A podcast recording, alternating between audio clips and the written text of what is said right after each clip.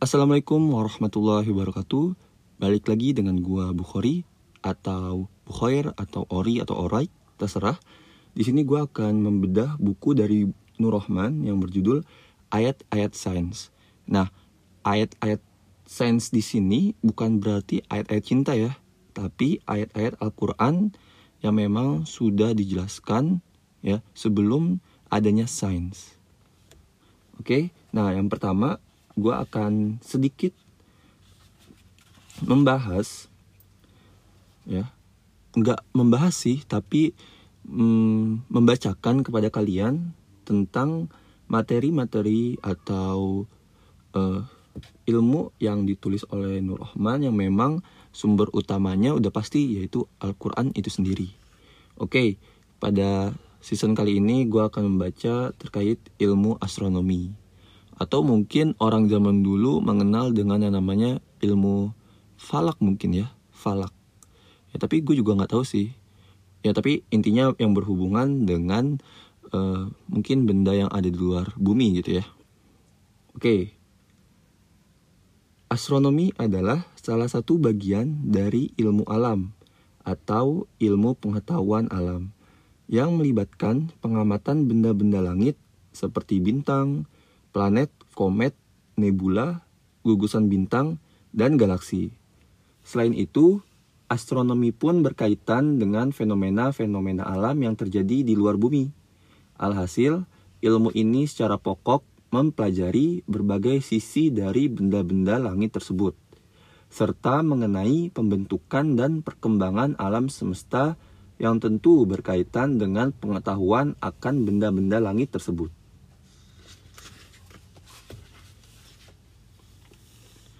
Pada abad ke-20, astronomi profesional terbagi menjadi dua cabang, yaitu astronomi observasional dan astronomi teoretis. Astronomi observasional melibatkan pengumpulan data dari pengamatan atas benda-benda langit yang kemudian dianalisis menggunakan prinsip-prinsip dasar fisika. Sementara astronomi teoritis terpusat pada upaya pengembangan model-model komputer atau analitis guna menjelaskan sifat-sifat benda-benda langit, serta fenomena-fenomena alam lainnya. Dan kemudian cabang tersebut pun bersifat komplementer, yaitu astronomi teoritis berusaha untuk menerangkan hasil-hasil pengamatan astronomi observasional. Dan astronomi observasional kemudian akan mencoba untuk membuktikan kesimpulan yang dibuat oleh astronomi teoretis. Dalam Al-Quran sendiri, pembahasan mengenai benda-benda langit atau secara umum mengenal mengenai langit itu sendiri amatlah banyak. Ayat tersebut misalnya di dalam surat Al-Buruj ayat ke-1 yang artinya demi langit yang mempunyai gugusan bintang. Ayat tersebut merupakan bentuk sumpah Allah Subhanahu wa taala dan sebagaimana yang kita pahami mengenai sumpah. Tentu hal apa pun yang kita jadikan sumpah merupakan hal yang pasti benar adanya. Oleh karenanya, Allah Subhanahu wa taala yang dalam ayat tersebut menyampaikan sumpahnya dengan langit yang mempunyai gugusan bintang menunjukkan kesesuaiannya dengan ilmu astronomi yang belakangan ini banyak menjadi kajian para ilmuwan. Atau dalam ayat lainnya Allah Subhanahu wa taala menyampaikan dan dialah yang menjadikan bintang-bintang bagimu agar kamu menjadikannya petunjuk dalam kegelapan di darat dan laut. Sesungguhnya kami telah menjelaskan tanda-tanda kebesaran kami kepada orang-orang yang mengetahui. Al-Quran Surat Al-An'am ayat 97 Ayat tersebut secara lebih jelas menerangkan bahwa benda-benda langit yang dalam hal ini disebutkan berupa bintang-bintang merupakan suatu petunjuk.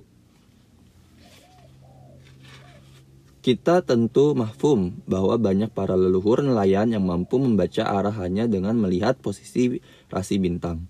Meskipun dengan teknologi yang semakin canggih, di zaman ini, hal tersebut pun sudah diuraikan dalam ilmu astronomi observasional sebagaimana telah dijelaskan di atas. Sebagai suatu keniscayaan perkembangan ilmu, tentu astronomi sebagai ilmu memerlukan informasi yang banyak ihwal benda-benda langit. Dan daripada informasi tersebut hanya dikumpulkan dengan pengamatan mata sebagaimana para leluhur nelayan itu, maka dikembangkanlah teknologi untuk keperluan tersebut. Sumber informasi yang paling utama hingga sekarang ini adalah melalui radiasi elektromagnetik atau secara spesifik berupa cahaya yang tampak. Sehingga Ayat tersebut boleh jadi merupakan awal yang menjadikan perkembangan ilmu pengetahuan, khususnya astronomi, kian maju sebagaimana sekarang.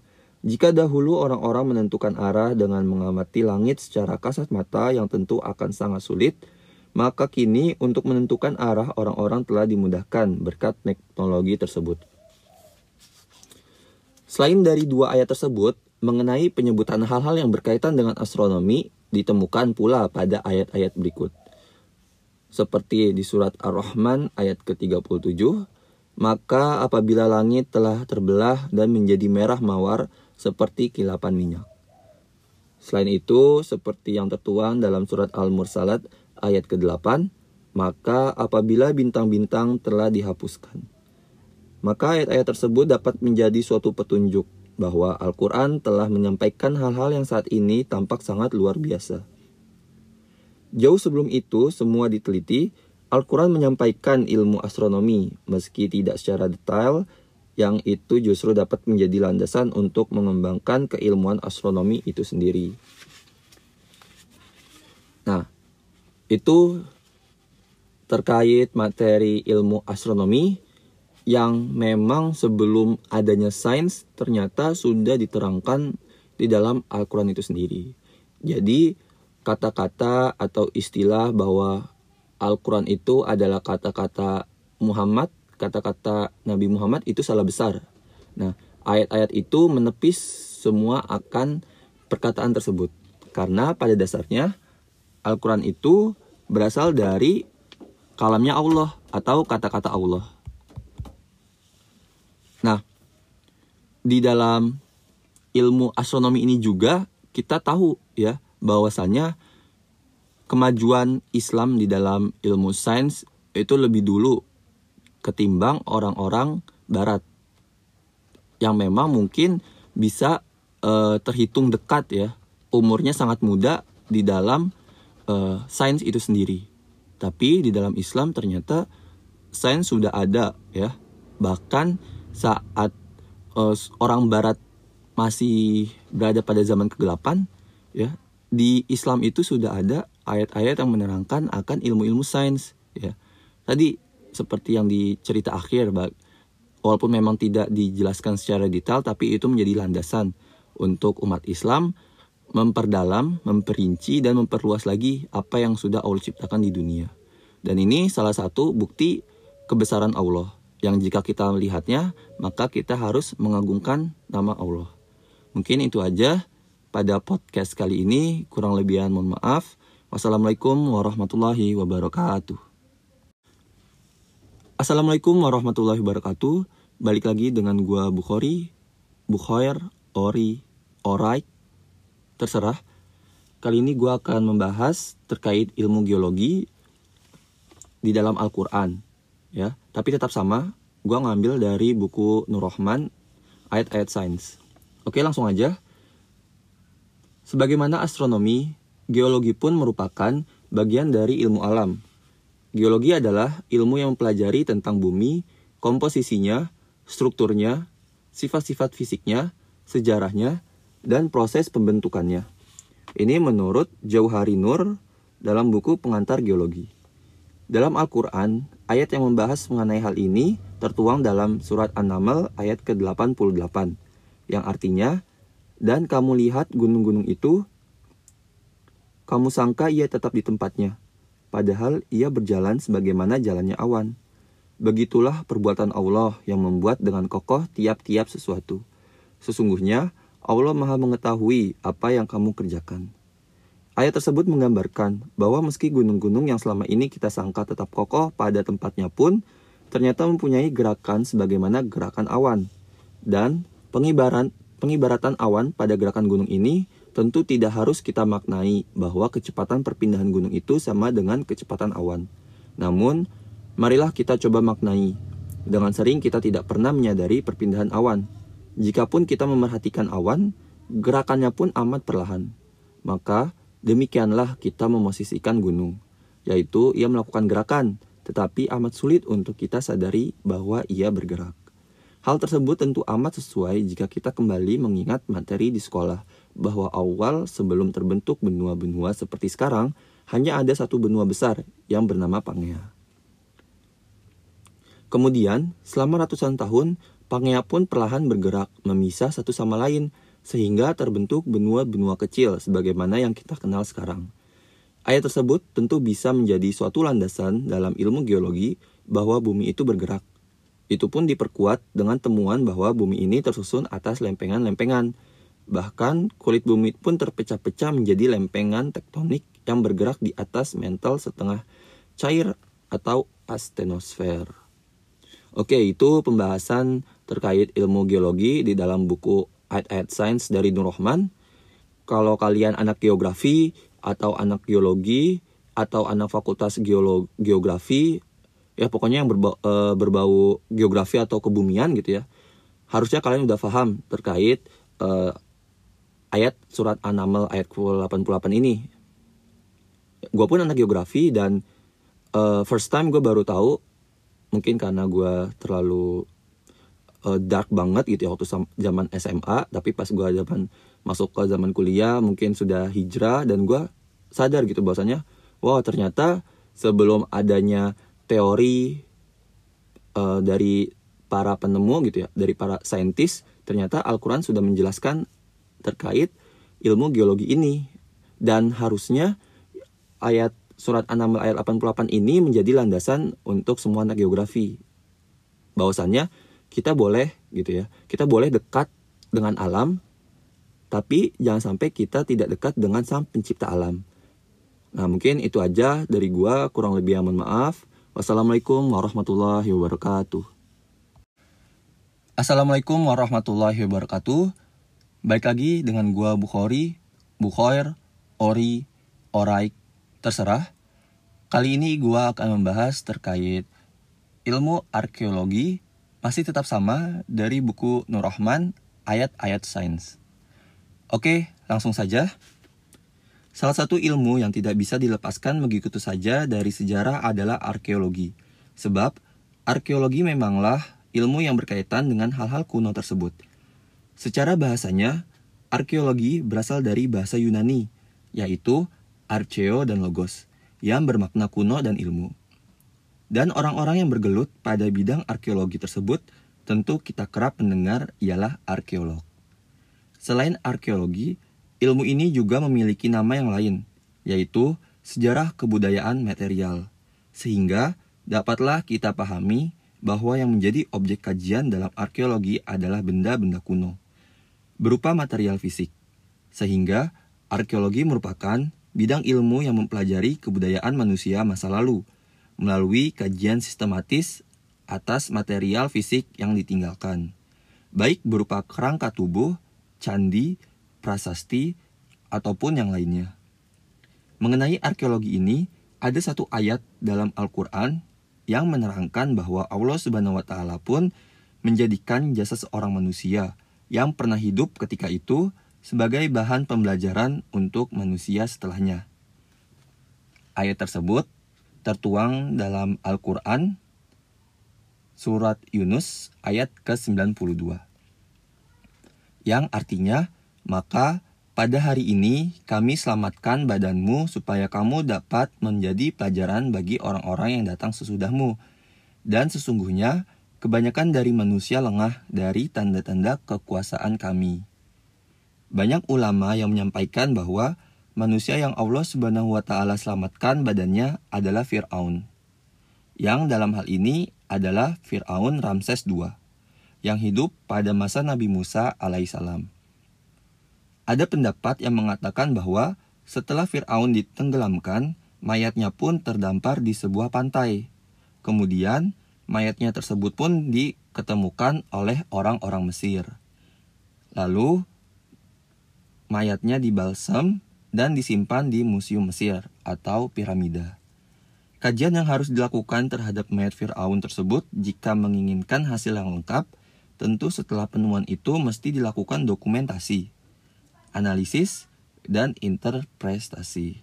Interpretasi, sorry nih. Emang lagi lomba interpretasi. Oke, yang benar interpretasi. Dan semua itu merupakan buah dari hadirnya material kuno yang dikaji oleh arkeologi, yang dengannya manusia bisa mempelajari hal-hal baru. Tentu, arkeologi tidak akan berdiri sendiri. Arkeologi bukan hanya akan menjadi dirinya sendiri yang sekedar meneliti dan kemudian habis begitu saja. Arkeologi pun akan berkembang untuk menyusun kembali sejarah kebudayaan, memahami perilaku manusia, yang dengan itu kemudian menjadi mengerti proses perubahan budaya pada manusia. Akan tetapi, karena bergantung pada benda-benda kuno, arkeologi tentu sangat membutuhkan kelestarian benda-benda kuno sebagai sumber data dalam rangka pengembangan kasana keilmuan kita. Persoalannya kemudian, perhatian kita pada benda-benda kuno ini yang ternyata masih amat minim. Dan hal yang disebutkan pada ayat tersebut mengenai perhatian pada benda kuno yang dalam hal ini adalah mayat Fir'aun, tentu bisa menjadi pembelajaran bagi kita untuk juga menjaga benda-benda kuno. Sebab hanya dengan seperti itulah kita akan menjadi manusia yang berbudaya, karena tetap menjaga kelestarian yang juga ber, berimbas pada perkembangan kasana keilmuan arkeologi. Jadi dari mayat Firaun kita dapat mendapatkan pelajaran ya bahwasannya benda kuno atau peninggalan kebudayaan pada zaman purbakala atau zaman dulu itu bisa menjadi kasana keilmuan pada zaman sekarang. Yang di mana teknologi sudah sangat berkembang, sains-sains sudah sangat banyak berkembang, dan ini menjadi suatu bukti bahwasannya kita tidak boleh melupakan sejarah dari nenek moyang kita. Nah, benda-benda ini pun memiliki arti atau nilai, di mana arti dan nilai ini memiliki makna makna terkait kebesaran Allah. Contohnya seperti mayat Firaun ini.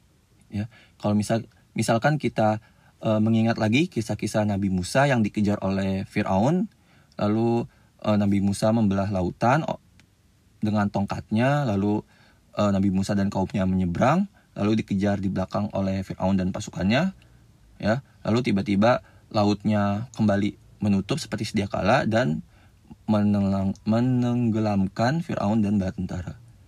Nah, lalu Firaun sempat bertobat kepada Allah namun tidak diterima karena arwah atau ruhnya sudah berada di tenggorokan dan akhirnya uh, dia wafat dan Allah jadikan mayatnya sebagai pembelajaran atau uh, bahan pelajaran untuk kita untuk selalu ya selalu untuk kita uh, beriman kepada Allah dan tidak mensyirikannya.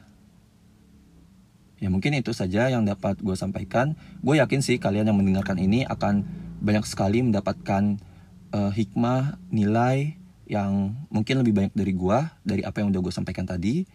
Karena gue sebagai manusia yang sangat minim akan ilmu, fakir akan ilmu, dan sangat banyak keterbatasan, gue mohon maaf. Dan gue akhiri, wassalamualaikum warahmatullahi wabarakatuh. Assalamualaikum warahmatullahi wabarakatuh. Balik lagi dengan gua Bukhari, Bukhoir, Ori, Alright, terserah. Kali ini gua masih sama membacakan dari buku Nur Rahman ayat-ayat sains. Dan kali ini gua akan membacakan terkait ilmu arsitektur. Oke, kita langsung saja. Secara sederhana, Arsitektur adalah ilmu bangunan, sudah pasti. Dan orang yang bergelut dalam bidang tersebut dinamakan arsitek, sudah jelas. Mengenai arsitektur, Al-Quran pun memuat beberapa ayat, seperti dalam Quran Surat Al-Qasas ayat ke-38, yang artinya, Dan berkata Fir'aun, Hai pembesar kaumku, aku tidak mengetahui Tuhan bagimu selain aku, maka bakarlah, hai Haman, untukku tanah liat. Kemudian, buatkanlah untukku bangunan yang tinggi, supaya aku dapat naik melihat Tuhan Musa. Dan sesungguhnya aku benar-benar yakin bahwa ia termasuk orang-orang pendusta. Pada ayat tersebut disebutkan, bakarlah tanah liat, yang kemudian digunakan untuk membangun sebuah bangunan yang tinggi. Hal tersebut menjadi penjelas bahwa arsitektur secara sederhana adalah ilmu mengenai bangunan, atau yang disampaikan oleh Firaun kepada Haman dalam ayat tersebut merupakan detail penjabaran mengenai proses pembangunan yaitu membakar tanah untuk dijadikan batu bata yang dengannya kemudian dapat disusun untuk membuat sebuah bangunan. Akan tetapi, selain pada bangunan yang seperti itu, ternyata arsitektur pun berkenaan dengan bangunan yang lain, seperti disebutkan dalam Quran Surat Hud ayat ke-37, yang artinya, Dan buatlah batra itu dengan pengawasan dan petunjuk wahyu kami, dan janganlah kamu bicarakan dengan aku tentang orang-orang yang zolim itu. Sesungguhnya mereka itu akan ditenggelamkan. Ayat tersebut merupakan potongan dari kisah mengenai Nabi Nuh alaihissalam dan bahteranya. Kita tentu mengetahui kisahnya, yaitu ia diperintahkan untuk membuat sebuah bahtera atau kapal yang sangat besar. Nah, kapal yang sangat besar itu dibuat demi menyelamatkan diri dari banjir yang besar yang akan segera datang. Maka dari kisah Nabi Nuh alaihissalam tersebut, jika kita jeli, tentu akan menemukan bahwa arsitektur telah diterapkan pada masa itu, yaitu pada masa Nabi Nuh alaihissalam. Membuat bahtera atau kapal yang sangat besar dengan bimbingan langsung dari Allah Subhanahu wa taala. Kita tentu sama-sama paham bahwa untuk membuat sebuah kapal yang baik memerlukan keilmuan yang matang mengenai berbagai hal. Utamanya adalah fisika dan perhitungan detail-detailnya agar dapat mengapung di atas air meski bobotnya sangat besar. Dan bukankah itu merupakan bentuk bangunan yang sangat luar biasa dari sebuah batera yang itu diciptakan ketika zaman belum modern sebagaimana sekarang. Dengan demikian, arsitektur menjadi tidak sederhana lagi, yaitu selain mengenai ilmu bangunan, arsitektur pun berkaitan dengan desain-desain yang menjadikan suatu bangunan itu terwujud. Tidak terkecuali pada bangunan kapal yang amat besar, atau pada cerita Nabi Nuh alaihissalam. Disebut juga sebagai bahtera. Berbeda dengan dua ayat sebelumnya, ada satu ayat lagi yang menurut terjemahan Kemenak memiliki makna yang lebih jauh. Ayat tersebut ialah Quran Surat Al-Mursalat ayat ke-30 yang artinya Pergilah kamu mendapatkan naungan yang mempunyai tiga cabang. Naungan yang mempunyai tiga cabang akan gampang dipahami sebagai bangunan yang memiliki tiga pilar. Misalnya, dapat pula dipahami sebagai bangunan yang memiliki tiga bangunan kecil di sisinya. Namun, ayat tersebut dalam Al-Quran terjemahan keluaran Kemenak Maksud dari naungan yang mempunyai tiga pilar bukanlah sebuah bangunan untuk berteduh, sebagaimana yang kita persepsikan, melainkan asap api neraka yang mempunyai tiga gejolak, yaitu kanan, kiri, dan atas. Artinya, azab api neraka akan mengepung orang-orang yang kufur dari segala penjuru. Berdasarkan hal tersebut, jika ayat yang disebutkan ini menjelaskan bangunan bukan sebagai bangunan itu sendiri, yaitu fungsi, dampak, atau akibat dari suatu bangunan, maka arsitektur, pun dalam pandangan yang tidak lagi sederhana adalah ilmu mengenai rancangan bangunan yang juga menyertakan lahir batinnya, fisik jiwanya, serta keseluruhannya. Namun, apakah memang benar demikian? Dalam laman Wikipedia disebutkan bahwa arsitektur merupakan seni untuk mengimajinasikan diri mereka dan ilmu dalam merancang bangunan. Dalam arti yang luas, arsitektur mencakup perancang, perancangan dan pembangunan, dari hal-hal yang makro hingga mikro. Selain itu, arsitektur pun berkaitan dengan hasil dari proses perancangan dan pembangunan tersebut. Dengan demikian, landasan mengenai ilmu arsitektur pun sebenarnya telah ada dalam Al-Quran, jauh sebelum keilmuan tersebut populer sebagaimana sekarang. Pertanyaannya sekarang, Apakah bahwa arsitektur itu sudah ada dasar-dasarnya dalam Al-Quran? Kita pun lantas akan menjadi semakin beriman pada kebenaran Al-Quran.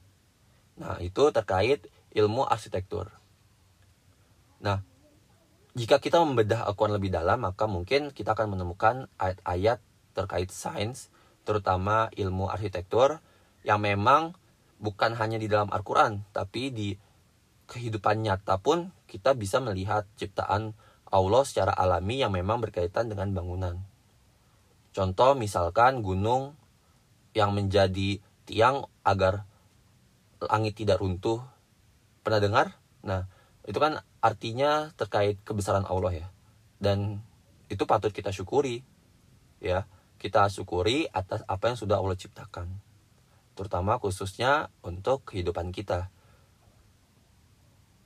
Nah, semoga episode ini bermanfaat untuk kalian, terutama anak teknik sipil yang memang e, ber atau berkegiatan terkait ilmu kearsitekturan.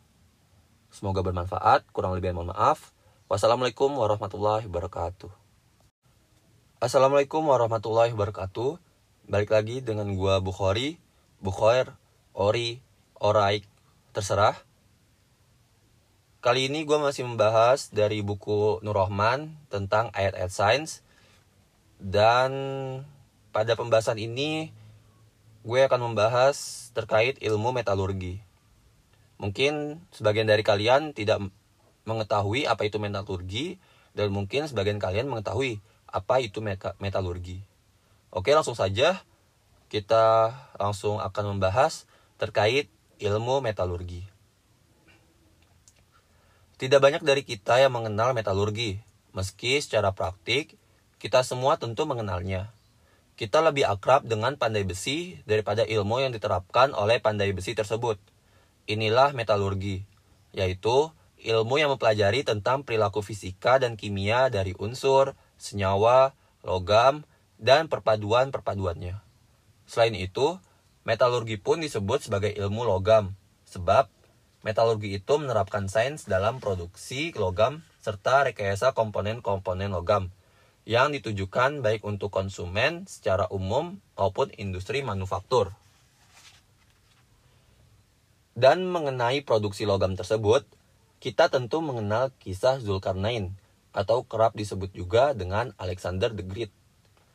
Ayat yang menerangkan hal tersebut tertuang dalam Quran Surat Al-Kahfi ayat ke-96 sampai 97 yang artinya berilah aku potongan-potongan besi hingga apabila besi itu telah sama rata dengan kedua puncak gunung itu berkatalah Zulkarnain tiuplah api itu hingga apabila besi itu sudah menjadi merah seperti api ia pun berkata berilah aku tembaga yang mendidih agar aku tuangkan ke atas besi panas itu maka mereka tidak bisa mendakinya dan mereka tidak bisa pula melubanginya. Ayat tersebut menjelaskan dengan baik ihwal produksi logam. Memang tidak bisa dilepaskan bahwa ayat tersebut berkaitan dengan Zulkarnain dan kaumnya yang menghalangi suatu kaum tertentu agar tidak keluar dari balik gunung. Dan cara yang digunakan oleh Zulkarnain adalah dengan menutup dua gunung yang berdampingan dengan logam-logam, atau dalam hal ini ialah besi.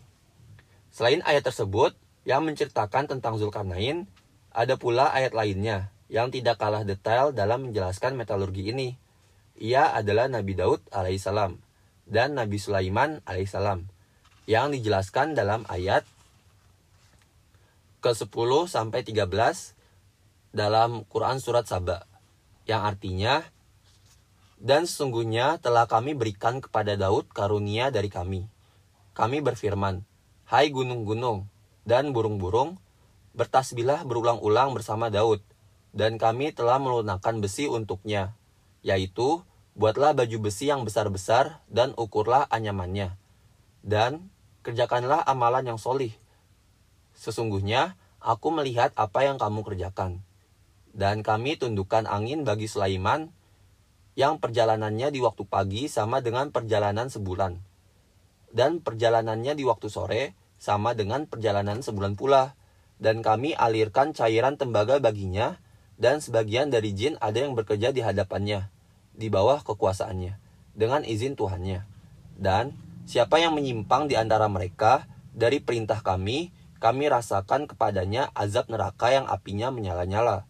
Para jin itu membuat suatu untuk Sulaiman apa yang dikehendakinya dari gedung-gedung yang tinggi dan patung-patung dan piring-piring yang besarnya seperti kolam dan periuk yang tetap berada di atas tungku.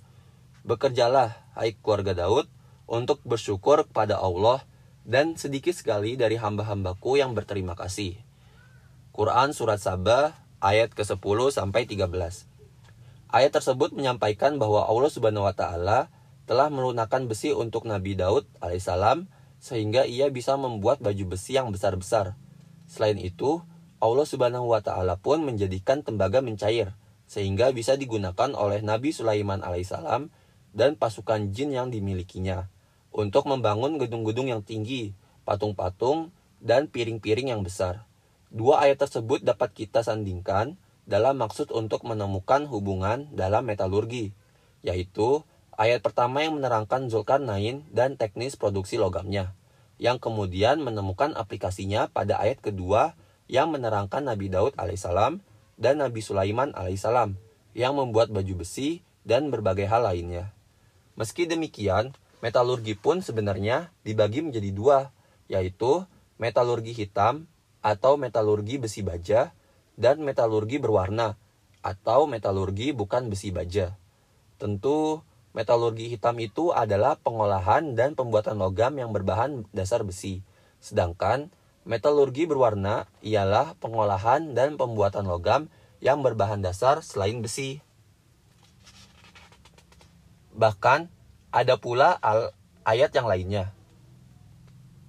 Seperti dalam Quran surat Al-Araf ayat 148 yang artinya dan kaum Musa setelah kepergian Musa ke Gunung Tur membuat dari perhiasan-perhiasan emas mereka anak lembu yang bertubuh dan bersuara Apakah mereka tidak mengetahui bahwa anak lembu itu tidak dapat berbicara dengan mereka dan tidak dapat pula menunjukkan jalan kepada mereka? Mereka menjadikannya sebagai sembahan, dan mereka adalah orang-orang yang zolim. Quran Surat Al-Araf ayat 148 Ayat, ayat tersebut merupakan bagian dari kisah Nabi Musa alaihissalam dan kaumnya, yaitu Bani Israel. Namun, marilah kita perhatikan bahwa dalam ayat tersebut, kaum Nabi Musa alaihissalam membuat seekor anak lembu yang cukup besar dari emas.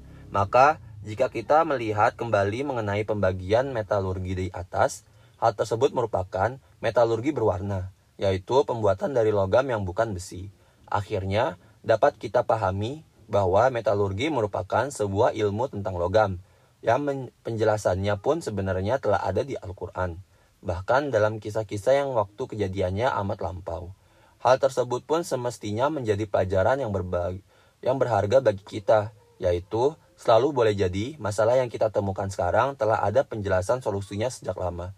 Persoalannya, maukah kita membaca sejarah dan mempelajarinya? Silakan kalian jawab sendiri pertanyaan terakhir tadi. Mungkin itu saja yang dapat gue sampaikan. Semoga bermanfaat. Kurang lebih mohon maaf. Wassalamualaikum warahmatullahi wabarakatuh. Assalamualaikum warahmatullahi wabarakatuh. Balik lagi dengan gua Bukhari, Bukhair, Ori, Orai, terserah. Kali ini gua masih membahas dari buku Nur Rahman, ayat-ayat sains. Dan kali ini gua akan membahas terkait ilmu kesehatan. Oke, kita langsung saja. Sering kita dengar nasihat bahwa untuk menjaga kesehatan, hal pertama yang mesti kita perhatikan adalah makan tidak terlalu kenyang. Atau Mungkin sering pula kita dengar nasihat, makan sebelum lapar dan berhenti sebelum kenyang. Nasihat-nasihat tersebut tentu bukan asal petua bijak, sebab dalam Al-Quran sendiri ada sebuah ayat yang menerangkan ihwal menjaga perut tersebut. Seperti yang tertuang di dalam surat Al-Araf ayat ke-31, yang artinya, Hai anak Adam, pakailah pakaianmu yang indah-indah di setiap memasuki masjid, makan dan minumlah, dan janganlah berlebih-lebihan. Sesungguhnya Allah tidak menyukai orang-orang yang berlebih-lebihan. Ayat tersebut menyampaikan perihal menjaga diri dari berlebihan dalam mengonsumsi makanan. Dan hal tersebut pun menjadi masuk akal bagi kita karena teramat sering penyakit pada badan itu berasal dari perut yang tentu berkaitan dengan makanan yang dikonsumsi. Sehingga Islam pun memberikan aturan mengenai batasan tersebut, yaitu tidak berlebih-lebihan. Untuk kalian, anak kesehatan, gue yakin kalian lebih paham terkait ilmu kesehatan, dan gue yakin juga kalian akan lebih mencari ayat Al-Quran yang berkaitan dengan kesehatan. Nah, e, kalau misalkan kalian sudah menemukan ayat-ayat terkait kesehatan selain dari surat Al-Araf ayat 31 ini, tolong di-share ya, karena ilmu yang bermanfaat adalah ilmu yang kita share. Oke, kurang lebih mohon maaf. Wassalamualaikum warahmatullahi wabarakatuh.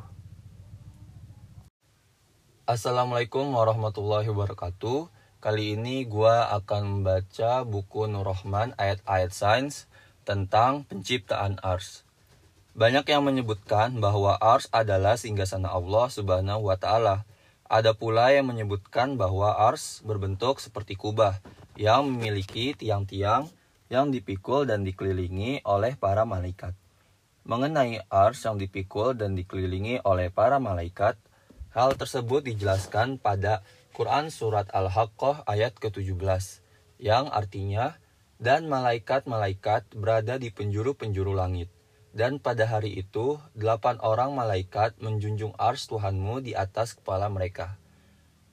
Dan yang terdapat di dalam Quran Surat Az-Zumar ayat ke-75 yang artinya, Dan kamu Muhammad akan melihat malaikat-malaikat melingkar di sekeliling ars, bertasbih sambil memuji Tuhannya dan diberi putusan di antara hamba-hamba Allah dengan adil dan diucapkan, segala puji bagi Allah, Tuhan semesta alam. Ada pendapat yang menyatakan bahwa Ars adalah makhluk terbesar di antara makhluk Allah Subhanahu wa taala. Hal tersebut pun disebutkan dalam hadis tidak langit yang tujuh dan bumi yang tujuh dan apa yang ada di antaranya dan di dalamnya dibandingkan dengan kurs kurs kecuali seperti lingkaran gelang yang dilempar ke tanah lapang dan kurs dengan apa yang ada di dalamnya dibandingkan dengan ars seperti lingkaran gelang tersebut pada tanah lapang tersebut. Selain itu, disebutkan pula bahwa ars itu memiliki sejumlah tiang-tiang yang menjadikannya sebagai atap dari alam semesta. Hal tersebut sesuai dengan sabda Nabi Muhammad SAW. Sesungguhnya manusia pingsan pada hari kiamat Lalu, aku adalah orang yang pertama sadar. Seketika itu, aku mendapati Musa sedang memegang sebuah tiang dari tiang-tiang ars. Maka aku tidak tahu apakah ia telah sadar sebelumku ataukah ia dibebaskan dari pingsan tersebut. Karena pingsan di Bukit Tur. Hadis riwayat Bukhari dan Muslim. Akan tetapi, perbedaan tafsir pasti selalu ada. Tidak terkecuali pada penafsiran mengenai ars mulai dari perbedaan tafsir kata bersemayam hingga perbedaan tafsir mengenai ars itu sendiri. Dan sebelum memasuki penjelasan perihal perbedaan tersebut, berikut adalah ayat-ayat tentang ars di dalam Al-Quran. Seperti yang tertuang dalam Quran Surat Al-Araf ayat ke-54. Sesungguhnya, Tuhan kamu ialah Allah yang telah menciptakan langit dan bumi dalam enam masa. Lalu dia bersemayam di atas ars dia menutupkan malam kepada siang yang mengikutinya dengan cepat, dan diciptakannya pula matahari, bulan, dan bintang-bintang masing-masing tunduk kepada perintahnya. Ingatlah, pencip menciptakan dan memerintah hanyalah hak Allah, Maha Suci Allah, Tuhan semesta alam. Serta dalam Quran Surat Al-Arad ayat kedua, Allah lah yang meninggikan langit tanpa tiang sebagaimana yang kamu lihat. Kemudian dia bersemayam di atas ars dan menundukkan matahari dan bulan. Masing-masing beredar hingga waktu yang ditentukan. Allah mengatur urusan makhluknya, menjelaskan tanda-tanda kebesarannya supaya, supaya kamu meyakini pertemuanmu dengan Tuhanmu. Ars bagi para ulama setidaknya memiliki tidak tiga tafsiran yang berbeda yaitu dari Mutazilah, Mujassimah, dan Ash'ariyah. Mutazila berpandangan bahwa kata ars di dalam Al-Quran mesti diartikan dan dipahami sebagai makna metaforis atau majas. Jika banyak disebutkan bahwa Allah Subhanahu wa taala itu bersemayam di ars, maka arti dari ars mestinya dipahami sebagai kekuasaan. Sebab Allah Subhanahu wa taala bukanlah berupa materi sebagaimana manusia, maka mustahil dia berada di tempat yang material. Kemudian, Mujasima berpandangan bahwa kata ars harus dipahami sebagaimana adanya. Karena itu, Mujasima mengartikan ars sebagai suatu yang bersifat fisik atau material. Namun, inti dari semuanya adalah keimanan bahwa keberadaan ars memanglah ada, sebagaimana yang disampaikan oleh Ash'ariyah. Sebagaimana ars yang memiliki beberapa penafsiran, kata bersemayamnya Allah Subhanahu wa taala di ars pun memiliki beberapa penafsiran. Bersemayam merupakan sifat filiyah bagi Allah Subhanahu wa taala. Ulama ahlu sunnah menetapkan makna bersemayam sesuai dengan makna yang layak baginya, tanpa diubah menjadi menguasai ataupun diserupakan dengan kesemayamnya makhluk. Malik bin Anas radhiyallahu an pernah menyampaikan mengenai bersemayamnya Allah Subhanahu wa taala. Ia menuturkan bahwa istiwa telah diketahui, caranya majhul, tidak diketahui. Beriman dengannya adalah wajib, bertanya tentangnya adalah bid'ah. Sementara itu, Ibnu Taimiyah radhiyallahu an menyampaikan mengenai hal tersebut. Ia berkata bahwa perkara istiwa di atas ars telah ditetapkan berdasarkan Al-Quran dan Sunnah, serta kesepakatan pendahulu umat umat serta para tokoh ulama. Bahkan ia telah ditetapkan dalam seluruh kitab yang diturunkan dan oleh seluruh nabi yang diutus. Selain kedua tokoh tersebut, Ibnu Khuzaimah radhiyallahu an pun menyampaikan pendapatnya mengenai ars dan bersemayamnya Allah Subhanahu wa taala.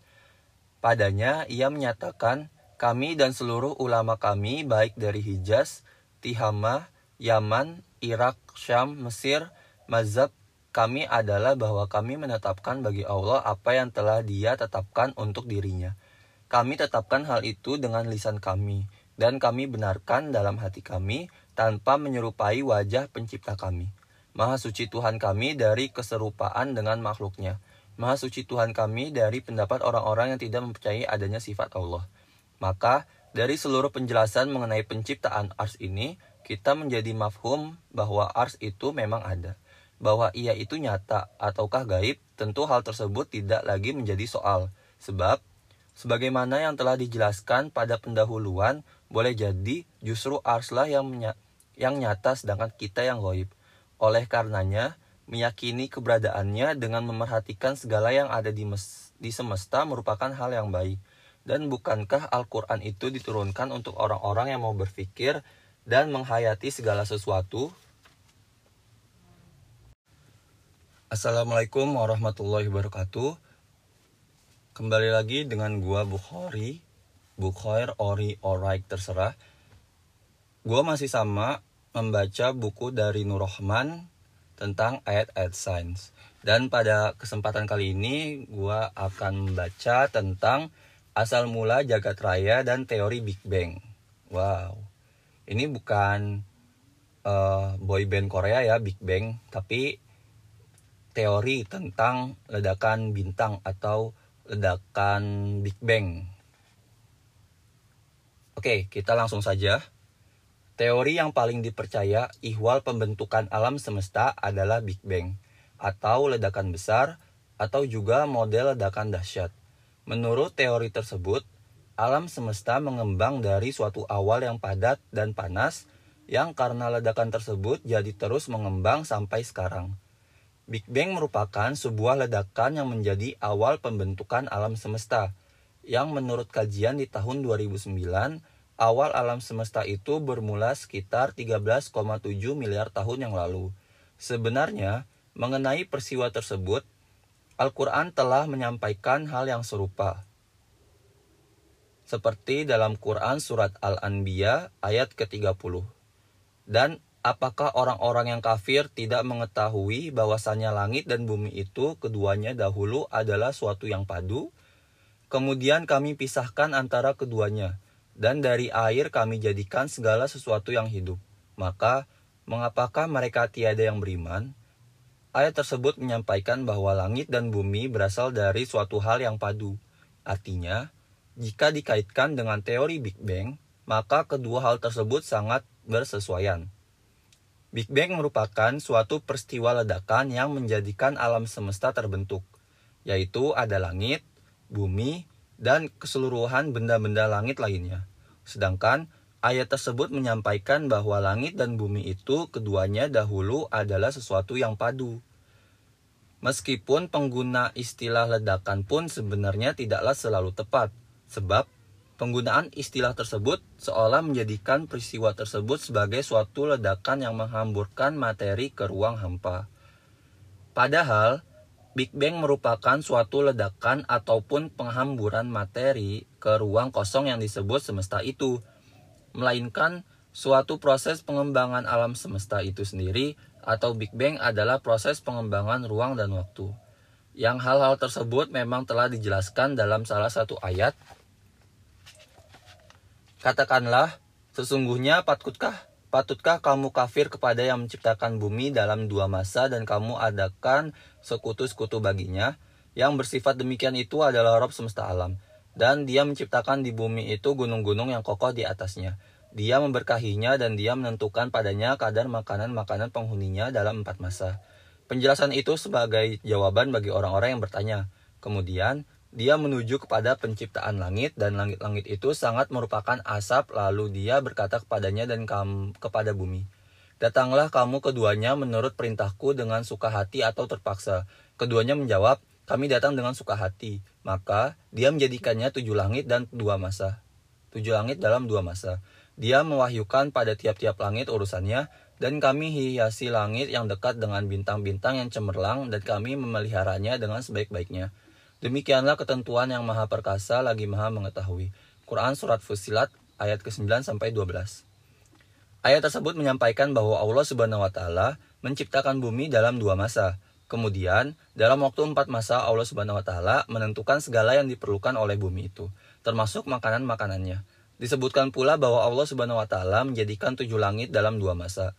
Hal tersebut membuktikan bahwa dalam pembentukan alam semesta yang di dalamnya termasuk langit dan bumi, Ledakan besar bukanlah melulu mengenai ledakan itu sendiri, melainkan itu merupakan suatu proses dari pembentukan yang niscaya.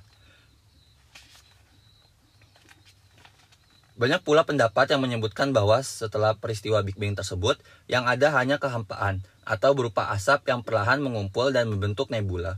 Dan dari nebula yang panas, kemudian mendingin, mengeras, dan menjadi suatu benda langit seperti planet dan satelit. Ayat tersebut yang memuat kalimat dia menuju penciptaan kepada langit dan langit itu masih merupakan asap. Menjadi suatu penjelas bahwa keadaan penciptaan jagat raya memanglah demikian adanya. Berdasarkan penjelasan-penjelasan tersebut, pada akhirnya kita hanya diperintahkan untuk mengakui kekuasaan Allah Subhanahu wa taala. Seraya terus mengambil pelajaran dari segala yang Allah Subhanahu wa taala tunjukkan tersebut. Dan langit itu kami bangun dengan kekuasaan kami dan sesungguhnya kami benar-benar berkuasa. Quran Surat Az-Zariyat ayat ke-47 Oke itu aja yang dapat gue bacakan kepada kalian. Jika ada intonasi dan sebagainya yang salah, keliru dan sebagainya, mohon dimaklumi. Wassalamualaikum warahmatullahi wabarakatuh. Assalamualaikum warahmatullahi wabarakatuh. Balik lagi dengan gue Bukhari Bukhair, Ori, Orai, whatever. Terserah maksudnya. Kali ini saya akan masih sama mereview buku Nur Rahman tentang ayat-ayat sains. Dan kali ini saya akan membacakan terkait perihal langit dalam Al-Quran. Banyak ayat dalam Al-Quran yang membahas mengenai langit. Hal tersebut tidak dapat dipungkiri karena Islam yang dalam hal ini Al-Quran sebagai kitab sucinya merupakan agama yang diturunkan dari langit atau agama samawi. Maka tak plak lagi langit menjadi bahasan yang menarik dalam Al-Quran. Misalnya, dalam pembahasan sebelumnya telah dijelaskan bahwa langit dan bumi awalnya adalah suatu kesatuan yang utuh atau juga mengenai pembahasan ars yang secara otomatis akan menjadikan kita langsung mengaitkannya dengan langit pula. Ayat-ayat yang membahas mengenai langit ini misalnya dalam surat Ar-Rod ayat kedua yang artinya Allah lah yang meninggikan langit tanpa tiang sebagaimana yang kamu lihat. Kemudian dia bersemayam di atas ars dan menundukkan matahari dan bulan. Masing-masing beredar hingga waktu yang ditentukan. Allah mengatur urusan makhluknya, menjelaskan tanda-tanda kebesarannya, supaya kamu meyakini pertemuanmu dengan Tuhanmu. Lalu di dalam surat Al-Mu'minun ayat ke-17 yang artinya dan sesungguhnya kami telah menciptakan di atas kamu tujuh buah jalan, tujuh buah langit, dan kami tidaklah lengah terhadap cipta ciptaan kami. Lalu di dalam Quran surat Az-Zariyat ayat ke-7 yang artinya demi langit yang mempunyai jalan-jalan. Lalu di dalam Quran surat Sabah ayat ke-12 yang artinya dan kami bina di atas kamu tujuh buah langit yang kokoh. Lalu dalam Quran surat An-Naziyat ayat ke-27 sampai 29 yang artinya apakah kamu lebih sulit penciptaannya atau langit? Allah telah membinanya. Dia meninggikan bangunannya lalu menyempurnakannya dan dia menjadikan malamnya gelap gulita dan menjadikan siangnya terang benderang. Ayat-ayat tersebut menjelaskan ihwal langit dengan berbagai redaksi, yang satu sama lain saling melengkapi. Sehingga menjadi penggambaran yang utuh. Misalnya, pada ayat yang pertama disebutkan bahwa Allah Subhanahu wa taala meninggikan langit tanpa tiang, serta pada langit itu ada matahari dan bulan yang beredar sesuai waktunya masing-masing. Kemudian, pada ayat yang kedua menyebutkan bahwa langit itu ada tujuh buah, Hal tersebut dapatlah untuk kita pahami bahwa langit itu ada tujuh tingkat. Terlebih, dalam Islam kita mengenal kisah Isra dan Mi'raj. Nabi Muhammad Shallallahu Alaihi Wasallam yang bertemu dengan Allah Subhanahu Wa Taala di langit ketujuh. Semakin dijelaskan lagi pada ayat yang ketiga, Allah Subhanahu Wa Taala menyampaikan bahwa di langit itu ada jalan-jalan kita tentu mafhum bahwa jika setiap benda-benda langit itu memiliki garis edarnya, maka garis edar itulah yang dimaksud jalan. Dan dengan ayat itu pula kita jadi membayangkan kondisi langit beserta benda-benda langit dan orbitnya yang seperti jaring-jaring yang besar. Dan pada dua ayat yang selanjutnya bisa menjadi suatu penekanan sekaligus pertanyaan bagi kita, yaitu penekanan bahwa dengan struktur penggambaran langit sedemikian, maka pastilah kokoh langit itu. Kemudian, pertanyaan bahwa apakah menciptakan langit itu sulit bagi Allah Subhanahu wa taala, sedangkan Dia pun amat mudah mengatur segala sesuatu, termasuk mengatur keberadaan siang dan malam dengan seimbang. Maka, pada bab ini beberapa hal yang berkaitan dengan langit akan menjadi pembahasan utama meski tidak secara keseluruhan. Dan beberapa hal yang akan dibahas ialah mengenai petir, bintang, black hole, dan komet. Kita lanjutkan ke segmen berikutnya. Kurang lebihnya mohon maaf. Semoga bermanfaat. Wassalamualaikum warahmatullahi wabarakatuh.